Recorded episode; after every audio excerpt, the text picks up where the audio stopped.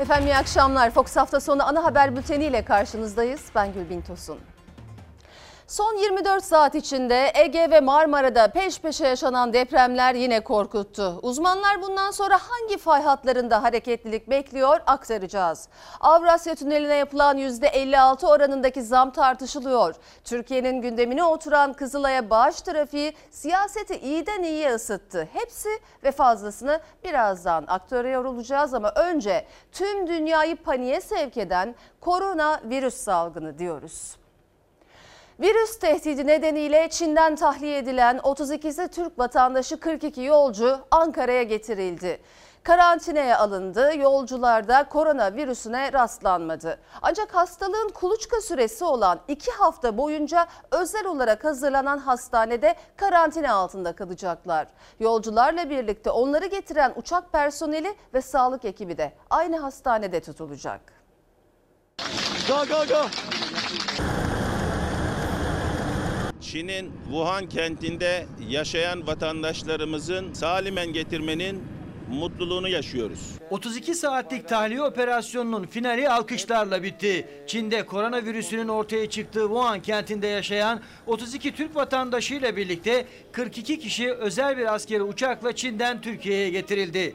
O yolcular için başkentte Zekai Tahir Burak Hastanesi'nde 14 gün sürecek karantina süreci başladı. Vatandaş e, ambulans, gelen ambulansla, özel ambulansla Yolcular dün akşam uçaktan indirildikten sonra kimseye temas ettirilmeden işte buraya Zekai Tahir Burak Hastanesi'ne getirildi. Bu hastane aslında boşaltılmış şehir hastanesine taşınmıştı. Ama Çin'den gelen yolcular için bu hastane tekrar tam teşekküllü bir hastaneye çevrildi. Cuma günü 20 kişilik mürettebatıyla havalanmıştı Türk Silahlı Kuvvetleri'ne ait dev kargo uçağı. Çin'den 32 Türk, 6 Azeri, 3 Gürcü ve 1 Arnavut vatandaşı toplam 42 kişiyi alıp Türkiye'ye hareket etti. Özel donanımlı uçağın içinden işte bu görüntüler yansıdı yolculuk sırasında. yola koyuldular, çıkıyorlar. Çocuklu aileleri görüyoruz.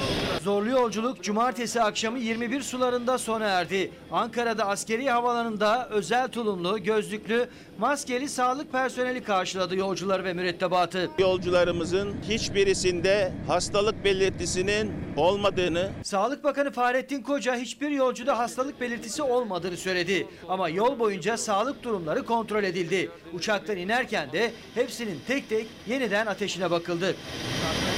Özel kıyafetli sağlık personeli dışında kimseyle yakın temas halinde bulunmadı yolcular ve kimseye temas ettirilmeden havaalanında hazır bekleyen ambulanslara bindirildiler. 42 yolcu gece yarısı hastaneye taşındı ve karantinaya alındı. Sadece onlar değil, onları almaya giden personeldi. 42 yolcu ve onları Çin'e almaya giden 20 kişilik mürettebat 62 kişi bu hastanede tek kişilik odalara yerleştirdiler ve 14 gün boyunca burada karantinada kalacaklar. Hastalığın 2 haftalık kuluçka süreci bitinceye kadar karantina süreci devam edecek. Uçakta kendilerine refakat eden doktorlar dışında kimseyle temasları olmayacak. Tek kişilik dezenfekte edilmiş özel odalarda tutulacaklar. 3 günde bir alınan numunelerle sağlık durumları sürekli kontrol edilecek. Karantinada tutuldukları hastaneye yemek dışında dışarıdan hiçbir şey girmiyor. Gelen yemekler hepsi tek kullanımlık malzemelerle veriliyor. Hastane çevresinde ise güvenlik üst seviyeye çıkarıldı. Nöbetteki polisler de maskeli. Yolcuları taşıyan kargo uçağı gece saatlerinde tahliye işlemi bittikten sonra özel ekipler tarafından dezenfekte edildi. Artık gözler 14 gün sürecek karantina sürecinde. Çin'de başlayan koronavirüs salgını hızla yayılıyor. Virüs yüzünden hayatını kaybedenlerin sayısı 305'e ulaştı. Çin sınırları dışında ilk ölümse Filipinler'de meydana geldi. Koronavirüs Çin sınırları dışında da can aldı. Ülke dışında ilk ölüm Filipinler'de oldu. Virüsle mücadele eden Çin'de şimdi de kuş gribi salgını başladı. Çin'de koronavirüs salgınında ölenlerin sayısı 304'e yükseldi. Virüs yüzünden Çin dışında ilk ölümse Filipinler'de yaşandı. Hastalığın ortaya çıktığı Wuhan kentinden Filipinlere gelen 44 yaşındaki Çinli ateşlenince zatüre şüphesiyle tedavi altına alındı. Kurtarılamayan hastanın koronavirüs yüzünden öldüğü anlaşıldı. Çin virüsle mücadele ederken yeni bir salgın daha ortaya çıktı. Hunan eyaletindeki kanatlı hayvan çiftliğinde kuş gribi tespit edildi. Bunun üzerine yaklaşık 18 bin hayvan itlaf edildi. Karantina altındaki Hubei'de ise eyalete giriş çıkışın yasaklanması büyük dramlara yol açtı. Lösemi hastası olan kızını tedavi için başka bir şehre götürmek isteyen anneyi kontrol noktasında polisler durdurdu. Bölgeden çıkması yasak olduğu söylenince kadın çaresizlik içinde gözyaşlarına boğuldu. Tek bir isteğim var. Lütfen kızımın geçmesine izin verin. Lütfen kızımı hastaneye götürün. Kadının gözyaşları karşısında polisin tavrı yumuşadı. Yapılan kontrollerden sonra anne ve kızın geçmesine izin verildi. Pekin yönetimi virüsün ortaya çıktığı Wuhan'da başlattığı bin yataklı hastane inşaatını 10 günde tamamladı. Ardından da hastaneye 8 kargo uçağıyla 1400 sağlık personeli gönderdi. 26 ülkeye yayılan virüse karşı dünya diken üstünde. Almanya Çin'den tahliye edilen iki kişide virüsün tespit edildiğini açıkladı. Endonezya'da Wuhan'da bulunan 238 vatandaşını uçakla tahliye etti. Görevliler önlem olarak yolculara uçaktan inerken dezenfektan sıktı.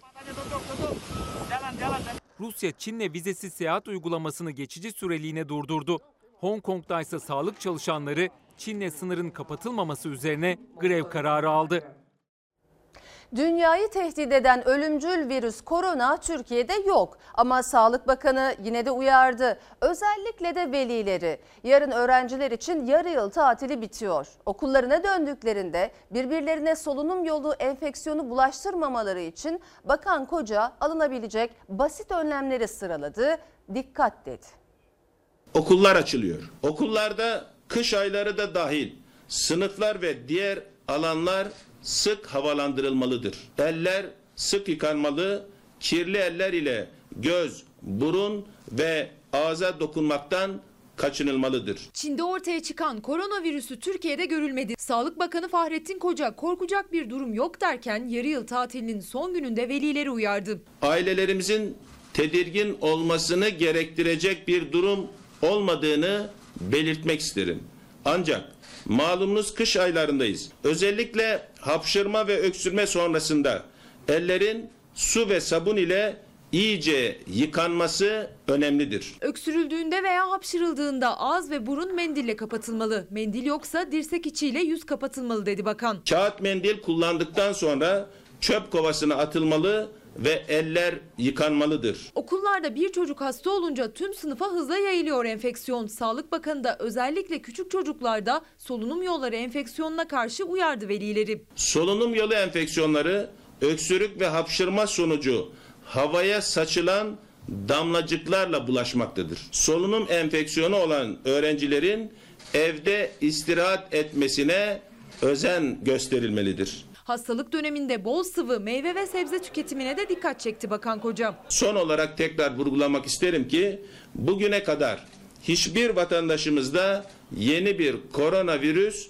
görülmemiştir. Şimdilik Türkiye'de korona riski yok. Olmaması için de tedbirler sırayla alınıyor. Sağlık Bakanlığı Bilim Kurulu'nun hazırladığı bilgi kitapçığı Milli Eğitim Bakanlığı aracılığıyla da tüm okullarda dağıtılacak. Velilerin salgın riskine karşı yapması gerekenler daha detaylı da anlatılacak.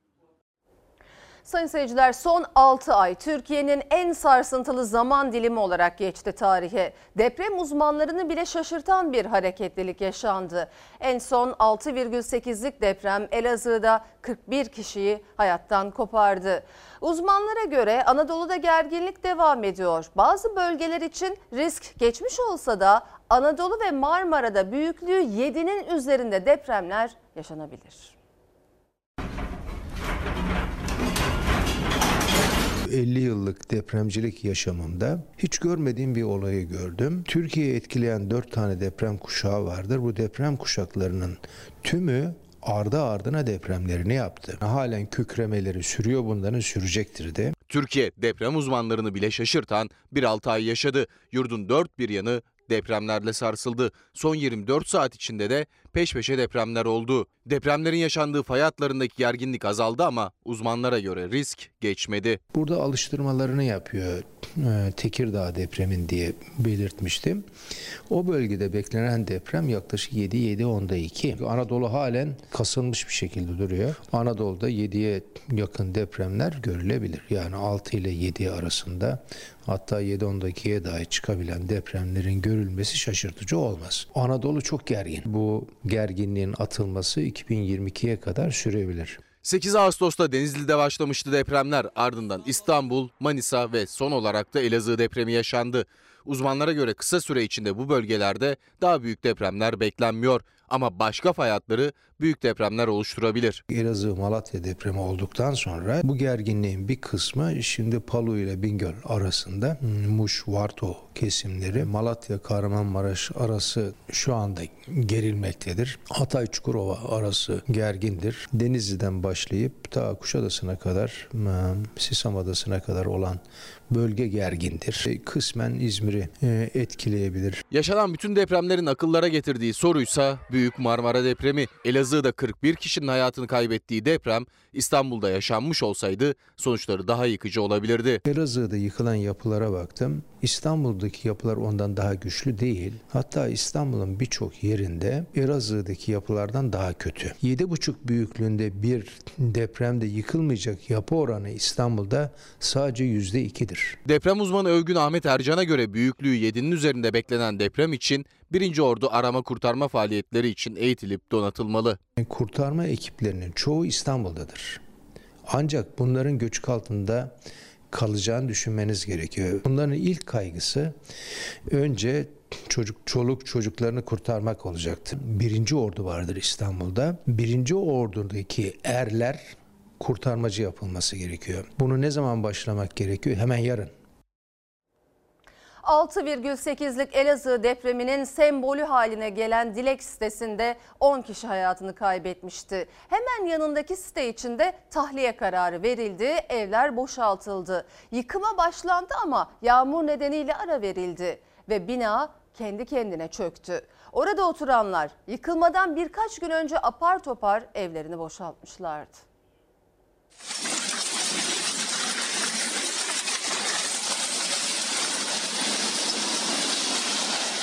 Peki bu ev güvenilir mi? Oturabilirsiniz dediler Hayır, mi size? güvenilir değil. Zaten yıkım kararı alınmış diye biz duyduk. Evlerinin güvenli olmadığını zaten biliyorlardı. Bu görüntüler bir kez daha riskin ne derece büyük olduğunu gösterdi. Yıkım çalışmaları başlayan bina kendi kendine çöktü.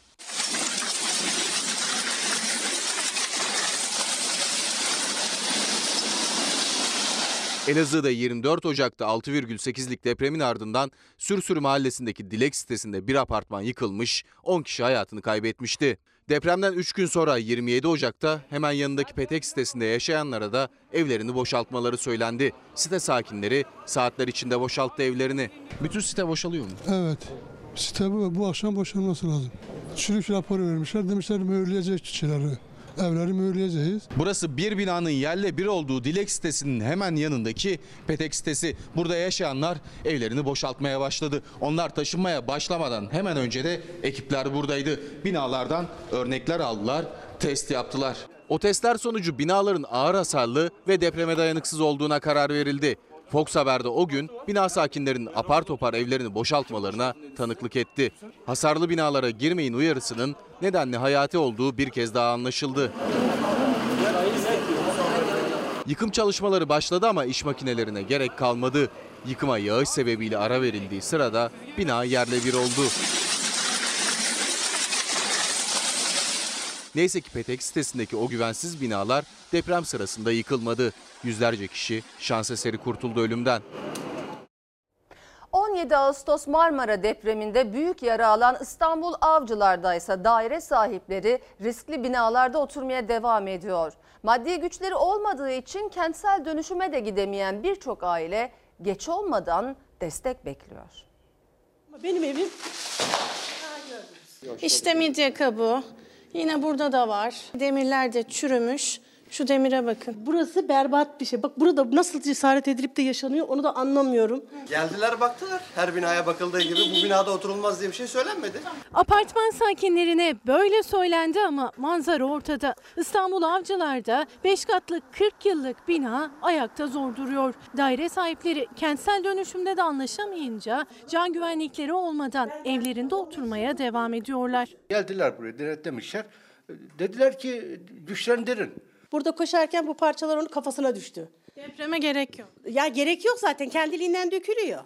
Avcılarda eski binalara baktığımızda hep aynı manzara çıkıyor karşımıza. İşte 40 yıllık bu binanın da kolonu deniz kumundan yapılmış durumda. Demirler paslanmış, çürümüş vaziyette. Yine betonlara dökülmüş. Burada midye kabuklarını görüyoruz. Denizden çıkarılmış malzemeler, yıkanmamış kumlar ve bu şekilde kolonlar oluşturulmuş. Bina sakinleri bu binada oturmaya devam ediyor. Bir tek ben çıktım. Herkes apartmanda yaşıyor. Deprem korkusuyla kendi evinden ayrılıp kiraya çıktı Ayten Yıldırım. Çünkü binanın hem bodrum katında hem de çatı katında ciddi çatlaklar var. Avcılardaki 5 katlı bu bina kaderine terk edilmiş vaziyette ancak içerisinde insanlar oturmaya devam ediyor. İşte tavanı kendi kendine çökmüş durumda. Yine demirleri çürümüş ve betonlar aşağıya dökülmüş. Binanın durumu berbat, sakat. Küçücük bir sallantıda gidecek durumda. 40 yıllık bina kentsel dönüşüm çıkmazında biz de şu anda 5. katındayız. İşte o katın hali. Duvar dışarıdan darbe olmasına gerek yok. Kendi kendine dökülmüş durumda.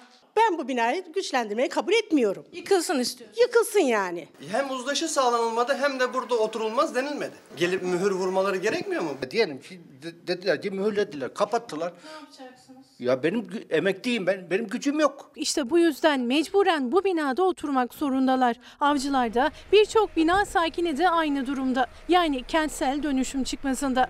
Kamu binalarında da incelemeler sürüyor. İstanbul Valiliği 8 okulun yıkılacağını açıkladı. İstanbul'da ileri tetkikle incelenecek 14 okuldan biri Avcılar'daki Alsancak İlk ve Ortaokulu. 5,8'lik depremin ardından bu okulda eğitime ara verildi ve yapılacak inceleme ile yıkılıp yıkılmayacağına karar verilecek. Eğitime ara verilen 16 okuldaysa yapılan incelemeler sonucunda yıkıma ve güçlendirmeye gerek olmadığına karar verildi. Marmara depreminin yaralarını sarmak için yürürlüğe giren, 2004 yılında kalıcı hale getirilen ve Elazığ depremiyle yeniden hatırlanan deprem vergileri tartışması devam ediyor. İktidar vatandaşa hizmet için harcadık derken muhalefet amacına uygun mu harcadınız kalem kalem açıklayın çağrısında ısrarlı. Deprem vergileriyle ilgili muhalefet bu başarıyı nasıl örtem çabasını yakından izliyorsunuz. Biz ülkeyi nereden nereye getirdik? Bunu kıskananlar en ufak bir şeyde leke sürmeye çalışıyorlar. Kimseyi lekelemek istemiyoruz. Kimseyi kıskanmıyoruz. Önce şeffaf olacaksınız. Şeffaf olmanın gereği de harcadığınız her kör kuruşun hesabını aziz millete vermektir. Muhalefet deprem vergileri nereye harcandı sorusunda iktidarsa detaya girmeden vatandaşa hizmete gitti cevabında ısrarlı. Deprem vergileri siyasetin en sert polemiği. Dedim ki ya bu vergiler ne oldu? Yine en ağır hakaretlerle karşı karşıya kaldı. Utanmadan soruyor. Deprem için topladığınız paraları nereye harcadınız? Bay Kemal sen kiminle cirit attığının farkında değilsin. Ve bu işi de öğrenemeyeceksin. Sayın Cumhurbaşkanı'nı ben Kemal Bey'e hesap vermem diyor. Bana göre de Kemal Bey'e vermesin istiyorsa ama vatandaş hesabını versin. İktidar deprem vergilerinin genel bütçe içerisinden gerekli yerlere harcandığını söylemekle yetinirken muhalefet amacı dışında kullanıldığı şüphesiyle kalem kalem açıklayın çağrısı yapıyor. 99 depreminde üçlü koalisyonun bugünün Cumhur İttifakı'nın ortağı MHP'den AK Parti'ye destek sesi rakamlarla yükseldi. 99'da 103 katrilyon para harcadı devlet. 40 bin konut yaptı. Şimdi devlet Elazığ'da afetzedelere 41 bin lira adam başına para veriyor. Elazığ'da binlerce konut yapılacak. Deprem paraları ile ilgili AFAD'a gelen bütün yardımların da kuruş kuruş kalem kalem nereye sarf edildiğini bilmek benim ve aziz milletimizin en doğal hakkıdır. Deprem vergilerinin 7-8 katı kadar rakam bugün genel bütçeden illerimize, Van'a, Düzce'ye, şuraya, buraya her tarafa gitmiş. Vatandaş kendisi ödediği bu deprem vergisinin hesabını sormak istiyor. Diyor ki sismik araştırmalara mı harcadınız bu parayı? Bina güçlendirmelerine mi harcadınız? Yeni kentler mi oluşturdunuz depremden insanların ölmemesi için? 1999 Büyük Marmara depreminin ardından çıkarılmıştı. 2004 yılında kalıcı hale getirildi. Elazığ depremiyle birlikte yeniden hatırlandı. Deprem vergileri tartışması siyaseti dalgalandırmaya devam ediyor. Toplanan vergilerin çok daha fazlası deprem konusundaki çalışmalar için harcanmıştır. Hükümet istiyor ki ben Türkiye Büyük Millet Meclisi'nin bana verdiği bütçeyi kafama göre harcayayım. Topladığım vergiyi kafama göre harcayayım. Harcayamazsın kardeşim. Sayın seyirciler Kızılay'a yapılan bağışların Ensar Vakfı gibi vakıf ve derneklere aktarılarak vergi kaçırılması yönteminin bütün detaylarıyla tartışılması için CHP mecliste araştırma önergesi verdi. MHP'li Cemal Engin Yurt da Kızılay Başkanı hesap versin dedi. İtiraf ve belgeleriyle Türkiye'nin gündemine oturan bağış trafiği ile ilgili AK Parti Genel Başkan Yardımcısı Vedat Demiröz ise dedikodu yapılıyor dedi. Kızılay adeta bir saadet zincirinin paravanına dönüşmüştür. Türkiye Büyük Millet Meclisi'ne bir araştırma önergesi verdik. Bu işin takipçisi olacağız. Yanlış kim yapıyorsa Allah onun belasını versin. Türk Kızılay'ın ne kabahati var? Kızılay'ın başarısı ortada. Bir dedikodu şöyle olmuş, böyle olmuş, o ona yardım etmiş. Yardımı yapan Başkent Gaz, 7 milyon 925 bin dolara taşıyıcılık yapan Türk Kızılay'ı ve parayı alan Ensar Vakfı bağış trafiğini kabul etti ama AK Parti Genel Başkan Yardımcısı Vedat Demiröz'e göre hala bir dedikodu. Muhalefetse Türkiye'nin gündemine oturan o bağışın peşinde CHP meclise araştırma önergesi verdi. Kızılay'ın süratle bağımsız iki ayrı denetim şirketi tarafından hesapların incelenmesi lazım. Vergi kaçırmak başkadır, vergiden kaçınmak başkadır. Olay bu haliyle Kızılay'ı paravan olarak kullanıp organize ve planlı şekilde vergi kaçırma ve kaçakçılık suçu niteliğindedir. Ben bugün istifa etsem Kızılay'ın iki ay içerisinde olağanüstü genel kurula gitmesi gerekir. Elazığ'da deprem olmuş, Manisa'da deprem olmuş, Suriye'de İdlib'de operasyon var. Bu arkadaş utanıp istifa etmesi gerekirken o onu yapacak gibi görünmüyor. İktidar Partisi'nin bunun üzerinde gereğini yapması lazım. Yani çekil kenara denmesi lazım. Ayrıldığım gün kurban keseceğim diye adam var. Akıllı adam işi değil bu. Yani ama milli ödev. Kızılay Başkanı'nın derhal istifa etmesi lazım. Muhalefet Kızılay Başkanı Kerem Kınık'ın devlet kasasına girecek verginin Kızılay aracılığıyla buharlaştırıldığı iddiasında ısrarlı. Kızılay Başkanı ile ilgili istifa tartışması sürerken MHP'den dikkat çeken bir çıkış geldi. Türk Kızılay Türk milletinin göz Kimse Türk Kızılay hakkında ileri geri konuşmasın. Ha başkanına gelince herkes ona istediğini söyleyebilir. Yanlış yapıyorsa Allah onun belasını versin. Vergi kaçırma yok, vergiden kaçınma var sözleriyle şimşekleri üzerine çeken Kerem Kınıksa istifa çağrıları karşısında sessiz. Avrasya Tüneli'ne yapılan %56 oranındaki zamma sürücüler tepkili. En çok da yolcu taşımak için her gün Avrasya Tüneli'ni kullanmak zorunda kalan minibüs şoförleri. Çünkü daha fazla ücret ödemek zorundalar. 54 lira 70 kuruşa çıkan geçiş ücretinin minibüs şoförüne aylık masrafı asgari ücretten de fazla. 2017 yılı başında 16 lira 60 kuruş olarak başladı. Sonra 23 lira 40 kuruş oldu. Şimdi bakıyoruz 36 lira 40 kuruş. Vallahi şikayetçiyiz yani %56 zam. Her gün zam, her gün zam. Bıktık artık bunların zamlarına. Otomobil geçiş ücreti 23 lira 30 kuruştan 36 lira 40 kuruşa. Minibüs geçiş ücreti 34 lira 90 kuruştan 54 lira 70 kuruşa çıktı. Bir kıtadan diğer kıtaya en kısa sürede geçebilmenin bedeli sürücüler için %56 daha pahalı artık. Yapılan son zamla birlikte Avrasya Tüneli açıldığı ilk günden bu yana %119 fiyat artışı oldu. Bu artışa kimse bir anlam anlam veremedi. Kamu otoritesinin ilk sözleşmesinde yapmış olduğu 4 dolar artı KDV fiyat uygulanıyor olsa buradaki fiyat 26 lirayı bile geçmeyecek. Niye 36 liranın üzerinde bir fiyat belirlendi? Genellikle yolcu taşımak için Avrasya Tüneli'ni kullananların başında minibüsler geliyor ve bir minibüsün geçiş ücreti 54 lira 70 kuruş oldu. Kıta değiştirmek için gidiş dönüş günde iki kere Avrasya Tüneli'ni kullanan bir minibüs toplam 110 lira ödeyecek ve ayın 30 günü tüneli kullandığı düşünülürse aylık ortalama masrafı 3000 lirayı da aşıyor. Ticari araç Evet doğru.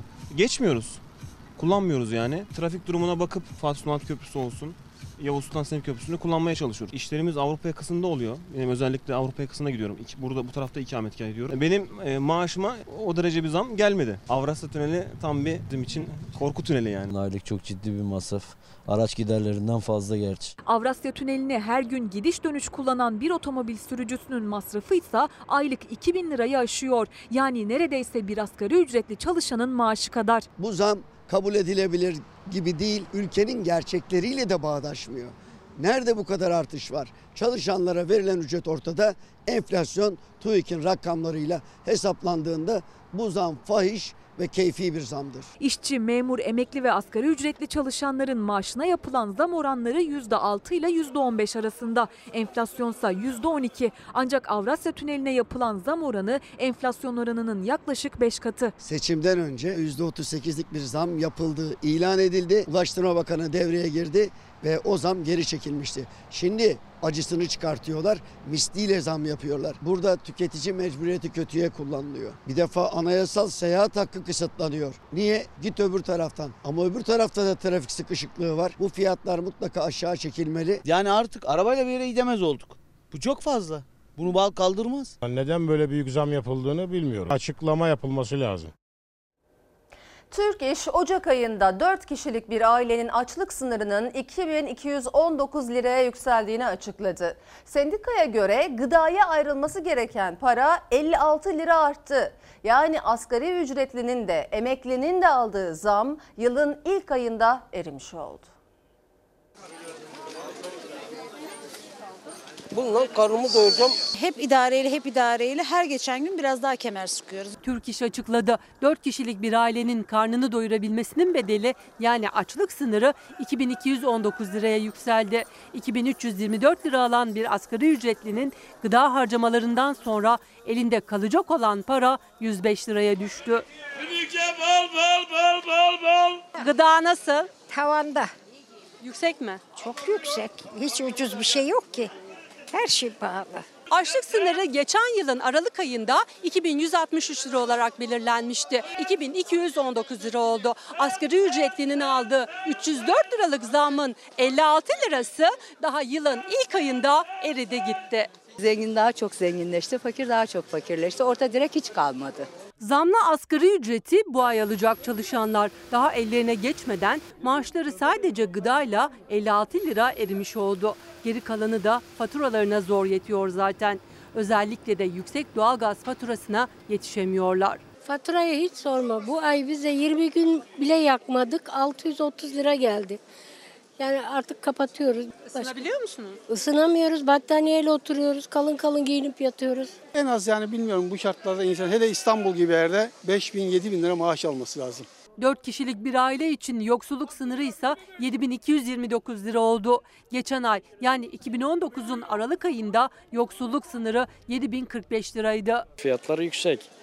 Her şey 8 lira, 10 lira. Hiçbir şey alamadık. Sadece bakıyoruz, bakıyoruz.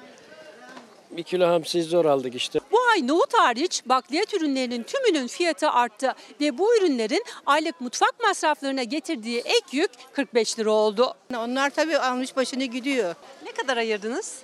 100 lirayla geldim. Bitti mi? Var mı Bitti. hala? Bitti liste bitmedi ama. Para bitti liste bitmedi. Bekçiler uzun bir aradan sonra çarşıda, mahallede, sokak arasında yeniden hayatımızın bir parçası oluyor.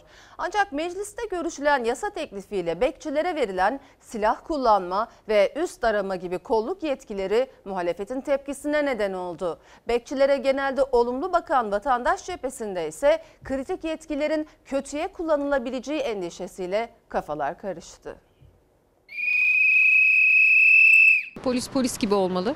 Bekçi bekçi gibi belli kısıtlamalı yani belli yetkileri olmalı. Kendine güvenen gelir, güvenmeyen gezmez. Daha iyi olur. Adam bekçiyi gördüğün gibi korkar. Kaçacak yer arar. Bekçilere üst arama ve silah kullanma yetkisi tanıyan yasa teklifinin meclisteki görüşmeleri devam ederken polisin bile kullanmaktan kaçındığı bu kritik yetkilerin kanunla bekçilere de veriliyor olması kafaları karıştırdı. Polis başka, bekçi başka. Sizi şüpheli görecek ve üstünüzü ar- arayabilirim diyecek. Hayır arayamaz ki benim üstümü. Polisimiz var. Bekçilerin de yetkisi olması lazım güvenliği artırması açısından. Bekçiler uzun bir aradan sonra yeniden hayatımızın bir parçası artık sokakta, mahallede. Onların varlığından memnun olan da var. Yasayla elde edecekleri yetkiler nedeniyle şüpheyle bakanda.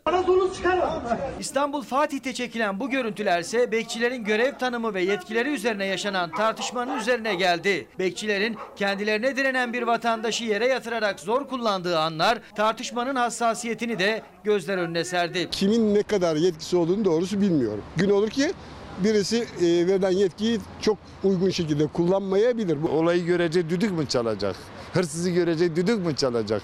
O yetkisi yoksa nasıl savunacak? Nasıl koruyacak? Polis değil, polise yardımcı kuvvet olarak görev yapacak bekçiler. Durdurma ve kimlik sorma yetkisi var. Ama şüphelendiği kişinin üzerindeki elbiseyi çıkartmadan üst araması yapabileceğine dair madde komisyonda uzun tartışmaların ardından kabul edildi. Tutuklama kaçağı konusu efendim. Ekip yönlendirebilir misiniz?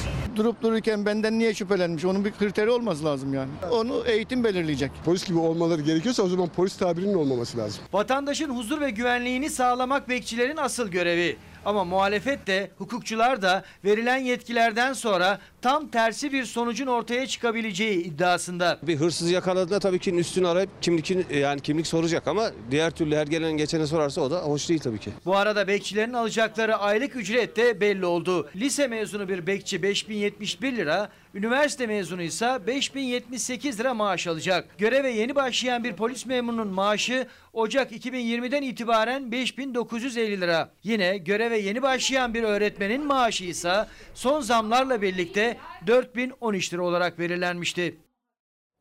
Türkiye'de gelir dağılımındaki adaletsizlik Bankacılık Düzenleme ve Denetleme Kurumu raporuyla bir kez daha gözler önüne serildi. Çalışanların yarıya yakını asgari ücret alırken 2019 yılında milyoner sayısı 45 bin arttı. Her milyonerin ortalama 6 milyon lirası var. Daha fazla milyoner var. Daha da fazla fakir mi var yoksa?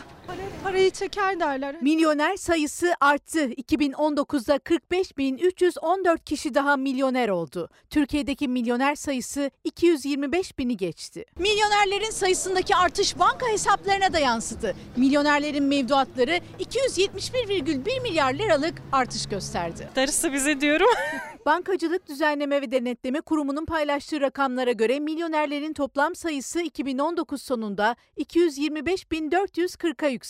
Milyonerlerin mevduat miktarları da arttı. Her milyonerin ortalama 6 milyon 173 bin lirası var. Orta ve dar gelirlilere göre zengin daha zengin, yoksul daha yoksul oldu. Zenginler daha çok zengin oluyor, fakirler, orta aileler hep böyle kalıyoruz. Zenginler aşırı zenginleşiyorlar, fakirler de aşırı fakirleşiyor. Zengin daha zengin oluyor, fakirse daha fakir oluyor. Durum Nasıl oluyor bu? Herkes aynı yorumu yapıyor da. Sistem bozuk ondan. Biz emekli insanlarız, bize 100 lira zam verdi. Zenginin parasını bir daha çok katlıyor, daha çok onlara hak tanıyor. Bana göre vergilerimiz hiç adaletli değil. Biraz daha fakirin üzerinden, üzerinden çekilse daha iyi olacağını düşünüyorum. Belli bir kesimde arttı yani. Şu anda halk açlık sefalet içerisinde. Milyonerlerin toplam mevduatı 1 trilyon 391 milyar 597 milyon liraya çıktı. Onlardan biri ben değilim. 1 milyondan fazla. Yani 1 milyon çok büyük bir para değil herhalde şimdi. Çünkü şimdi İstanbul'da bile bir ev 1 milyon. Çalışanların yarıya yakınının asgari ücret aldığı Türkiye'de bu rakamda gelir dağılımındaki adaletsizliği bir kez daha ortaya koydu. Şu anda bir daire alıyorsun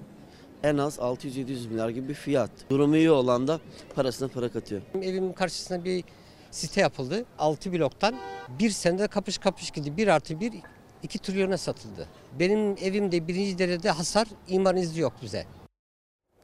Emeklilikte yaşa takılanlar mağduriyetlerini giderecek bir adım beklerken Çalışma Bakanı bir kez daha onlara kapıyı kapattı. Bakan Selçuk yaşa takılanlar değil yaşa tutmayanlar dedi.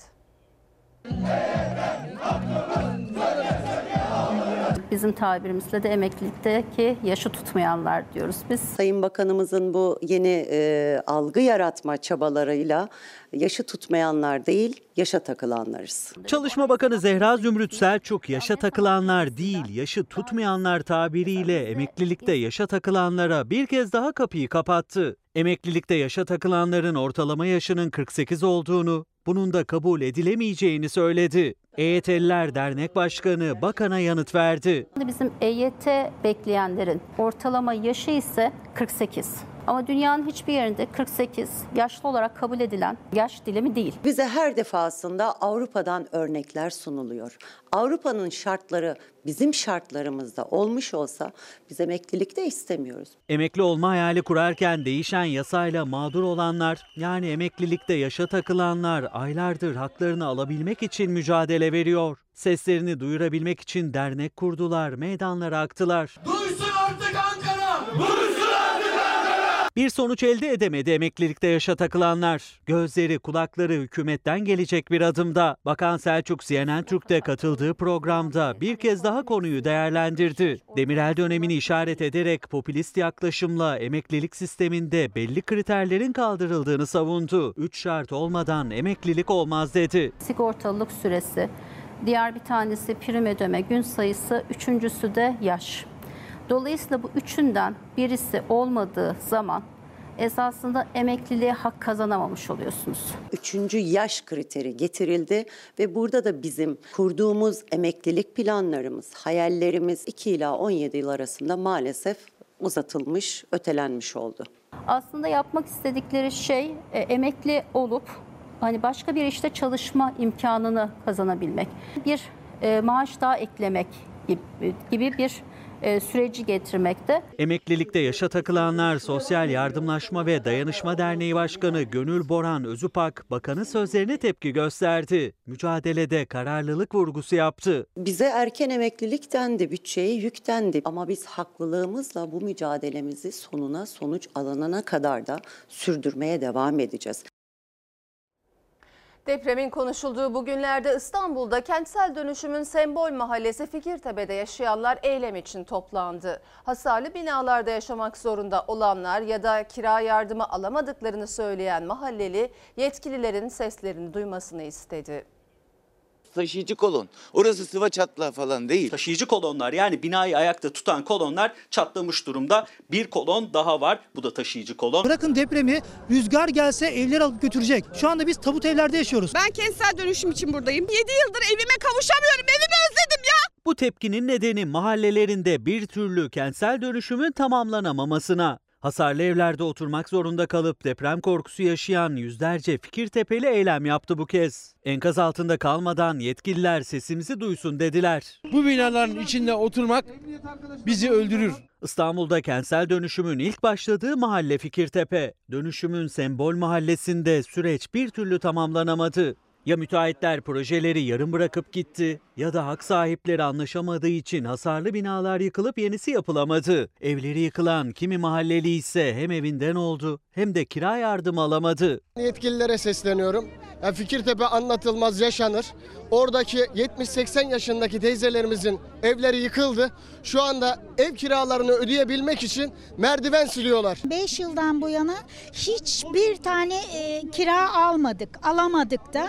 Yıktılar öyle kaldı. En büyük korkuyu hasarlı evlerde oturmak zorunda kalanlar yaşıyor. Depremin konuşulduğu bu günlerde özellikle. Burada durum biraz daha kötü. Fikirtepeli kentsel dönüşüm mağdurları seslerini duyurabilmek için Kadıköy Meydanı'ndan ses yükseltti. Ellerinde pankartlar, slogan atarak uyardılar yetkilileri. Elazığ'da olduğu gibi ondan daha çok büyük felaket olur.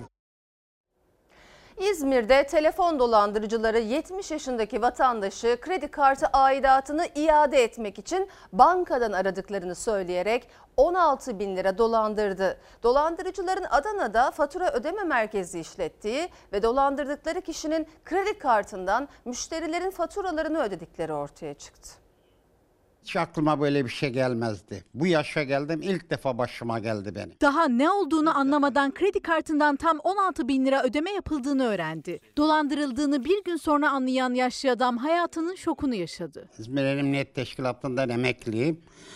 Ve plaket dahi aldım Durus Efendi çalışmamdan dolayı. İzmir'de yaşayan Yusuf Sağlam'ı cep telefonundan arayan kişi kendini bankacı olarak tanıttı. Kredi kartı aidatını iade edeceklerini söyledi. 70 yaşındaki Sağlam'dan telefonuna gönderdiği şifreleri onaylamasını istedi. 16 bin lira civarında bir zararım var. Bunlar ilk defa Türkiye'de uygulanan bir dolandırıcılık yöntemi uyguluyorlar. Birçok vatandaşımız bu dolandırıcılık yönteminden bilgisi yok. Aidat borcunun yatırılacağını düşünen Yusuf Sağlam şifreyi onayladığı anda dolandırıcıların tuzağına düştü. Kendisini arayanlar Adana'da bir fatura ödeme merkezinin işletmecileriydi. Nakit para aldıkları başka müşterilerin faturalarını yaşlı adamın kredi kartından ödemişlerdi. Bu şahıslar insanlardan faturalarını ödemek üzere paralarını alıyor. Ancak kendi hesaplarından bu borcu ödemiyor. Müvekkilin hesabından ödüyorlar. Başına geleni bir gün sonra sonra bankaya gittiğinde anlayan yaşlı adam emekli maaşımla ben bu parayı nasıl öderim diyerek polise başvurdu. Her gün yeni bir dolandırıcılık sistemi çıkıyor. Şahıslar kolay paraya alışmış durumda. Bunun da devlet tarafından önlem alınması gerekiyor. Polis şimdi bir yandan emniyet teşkilatında teknikerlikten emekli olan Yusuf Sağlam'ı dolandıranları arıyor, bir yandan da bu tip olaylara karşı vatandaşları dikkatli olmaya çağırıyor. Verdiği kanser mücadelesiyle Türkiye'ye azim örneği olan Neslican Tay'ın babası. Bundan böyle sağlığa erişimde zorluk yaşayan çocukların sesi olmaya karar verdi. SGK ilacını karşılasın diye Küçük Meryem için imza kampanyası başlattı. Üstelik ithal ilacına ulaşmayı bekleyen tek hasta Meryem'de değil. Kader öğretmende on binlerce lirayı bulan ilaç yükünün altından kalkamıyor. Bir, beş. Enzim tedavisinin bir an önce Türkiye'ye gelmesini istiyoruz. Bu ilaç Türkiye'de sigorta kapsamında değil ve bu ilacın bir kutusu yaklaşık olarak 10.136.88 kuruş. Beyincik erimesi hastalığıyla mücadele eden Küçük Meryem'de kanserle savaşan Kader Sabancılar da SGK'nın ilaçlarını ödeme kapsamına almasını istiyor. Onlar için umut var ama yurt dışında ithal ilaç Türkiye'ye gelsin, Meryem sağlığına kavuşsun diye internette kampanya başlatıldı. Küçük kızın sesini duyuransa kanser mücadelesiyle tüm Türkiye'nin içine işleyen Neslican Tay'ın babası Fahri Tay. Neslican e, hayatı boyunca hastalara umut oldu. Milyonlarca kalbin kalbe dokundu. Benim güzel kızım gittikten sonra bu emaneti bize bıraktı. Manisa'da yaşayan 3,5 yaşındaki Meryem Karaman, beyincik erimesi olarak bilinen NCL tip 2 hastası artık yürüyemiyor. Yurt dışındaki bir ilaçla hastalığın ilerlemesi durdurulabiliyor ama ayda iki kez kullanılması gereken ilacın fiyatı 370 bin lira ve SGK o ilacı karşılamıyor. Kızım tedavi olmazsa ağır engelli olarak hayatını devam ettirecek. E, Yatağa bağımlı olarak, makinede bağımlı ola- olarak yaşamını sürdürecek. Bunun e, Sağlık Bakanlığı tarafından ithal edilmesi gerekiyor. Bunun kampanyasını başlattık. Meryem için on binlerce imza toplandı. Ancak ilacının ödeme kapsamına alınmasını bekleyen tek o değil. Kanser hastası Kader Sabancıların her ay kullanması gereken ilacın fiyatı da 10 bin lira. Küçük Meryem de o da SGK'nın bir an önce harekete geçmesini bekliyor. Ben bir öğretmenim, eşim de bir öğretmen. Ben çalışamıyorum şu anda. Eşimin ise tek öğretmen maaşıyla bu ilacın maliyetini karşılaması mümkün değil. Türkiye sanayide yurt dışı atılımını sürdürüyor. En büyük beyaz eşya üreticilerinden biri olan firma Hindistan'da dev bir fabrika açtı. Two, one, go. Türk girişimcisi sermayesi ve iş gücü birikimiyle dünyanın en büyük pazarlarından Hindistan'da beyaz eşya sektörünün lider olmak için adımını attı. Bereketli olmasın Allah'tan. Biraz Türkiye'nin en büyük beyaz eşya üreticilerinden biri Hindistan'ın en güçlü şirketlerinden Tata ile ortak oldu.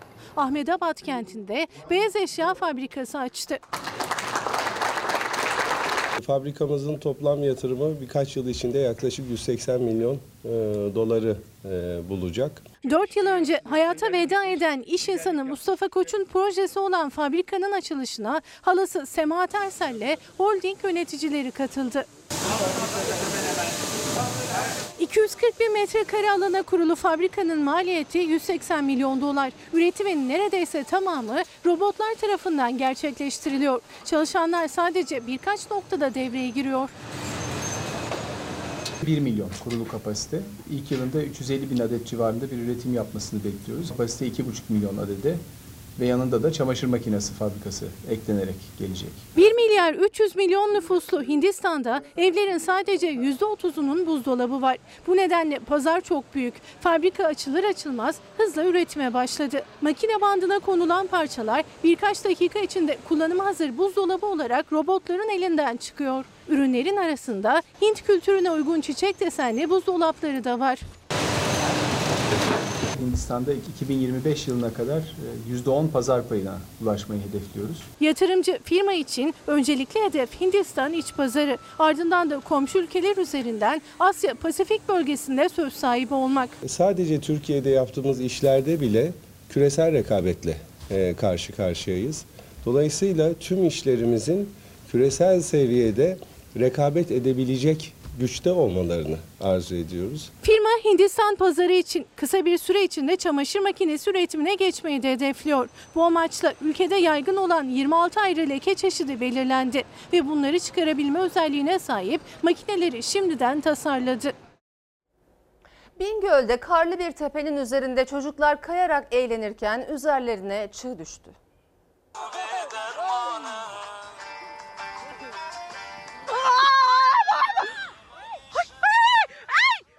Bingöl'de çocukların üzerine çığ düştüğü minikler son anda kurtuldu. Genç ilçesine bağlı Keklikdere köyünde yaşayan dört arkadaş ara tatilde karın tadını çıkarmak istedi. Bir tepeye çıkan çocuklar teker teker çuvallarla kaymaya başladı. Aileleri de çocukların eğlencesini cep telefonuyla kaydediyordu. Önce bir çocuk kaydı, ardından üç arkadaş tepeden aşağı inerken kar kütlesi harekete geçti. Çocuklar kar kütlesinin altında kalmaktan son anda kurtuldu. Aileler panikle yardıma koştu. Neyse ki ölen ya da yaralanan olmadı. Şimdi ara zamanı. Efendim Fox hafta sonu ana haber bültenini burada noktalıyoruz. Fox'ta yayın sabahçının yeni bölümüyle devam edecek. İyi bir akşam geçirmenizi diliyoruz. Hoşçakalın. Dostuma